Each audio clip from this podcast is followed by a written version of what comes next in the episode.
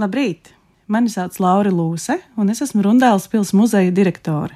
Vai zināt, kāda bija galda kultūra Kurzemes hercoga galmā? Tuvojas Ziemassvētku laiks, un man tas parasti saistās ar došanos ciemos vai viesu uzņemšanu.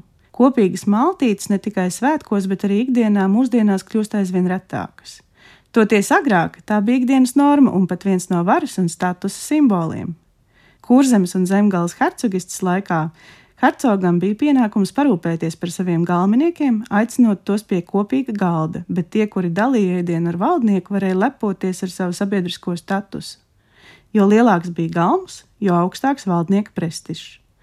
Galma dzīves organizēšanā noteicošā loma bija galma maršalam, To parasti iecēla no augstākās mužniecības vidus, un šis amats varēja kalpot par pakāpienu turpmākajai karjerai.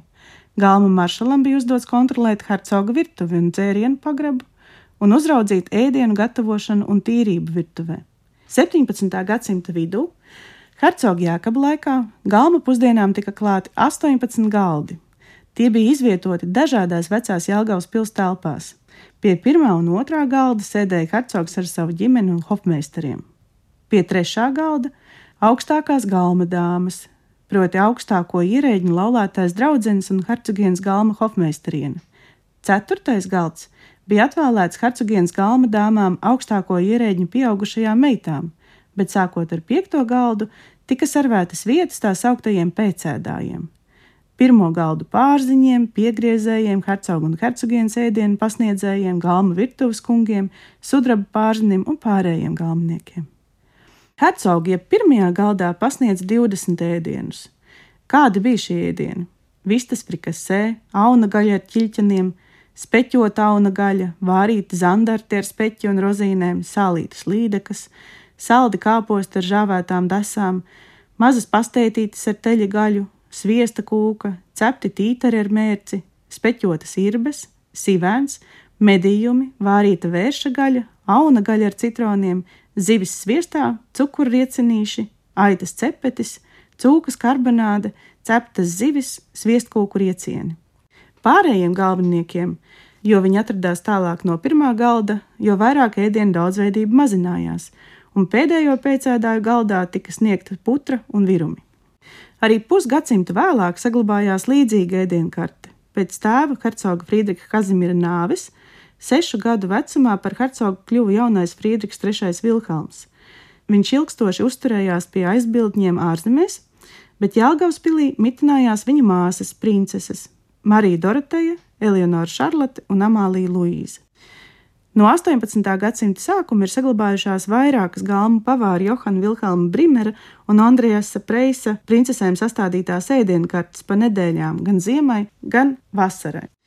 Princesēm tika servētas tikai divas maltītes dienā - brokastis un vakariņas ziemā, pusdienas un vakariņas vasarā. Katra sastāvēja no sešām līdz desmit ēdienu kārtām. Lielākoties tie bija dažādi gaļas ēdieni - cepešu, šmorējumu, pastēšu, mērču, viru, zupu veidā. Interesanti, ka līdzās teļa, putnu un cūkas gaļas ēdieniem daudz lietot arī aitas un jēra gaļu. Retu reizi gaļu pasniedz kopā ar rīsiem, biežāk tai klāt ēda maizi, kāpostus, burkānus un citus sakņaugus, kā arī pākšaugus. Protams, šajā laikā vēl nav mūsdienu virtuvē iecienīto kartupeļu. Zivis ziemas ēdienkartē bija pāri nedēļas, bet vasarā katru dienu. Deserti bija ļoti rets maltīšu papildinājums. Tortis un pīrāgus pārsvarā gatavoja tikai vasarā un no vietējām ogām - ķiršiem, jāņogām, māboliem, mērkšķogām, plūmēm un arī eksotiskajiem citroniem. Kurzemes hercogists beigu posmā 18. gadsimta 3. ceturksnī Bīrona valdīšanas laikā ēdienkartes pamatsastāvdaļas nav pārāk mainījušās, bet klāt nāca daudz vairāk saldumu. 18. gadsimta otrā puse ir laiks, kad visos Eiropas galmos īpašu vietu sāk ieņemt cukurot ēdienu un dažādi deserti. Tā kā cukurs tajā laikā kalpo kā viena no luksus un prestiža precēm, tad to izmantoja ne tikai desertos, bet saldas garšvielas pievienoja arī pamatēdieniem. Kurzemes hercoga galmā no 1768. gada līdz 1778. gadam algoja franču konditoru Johanu Jozefu Leinhāsu.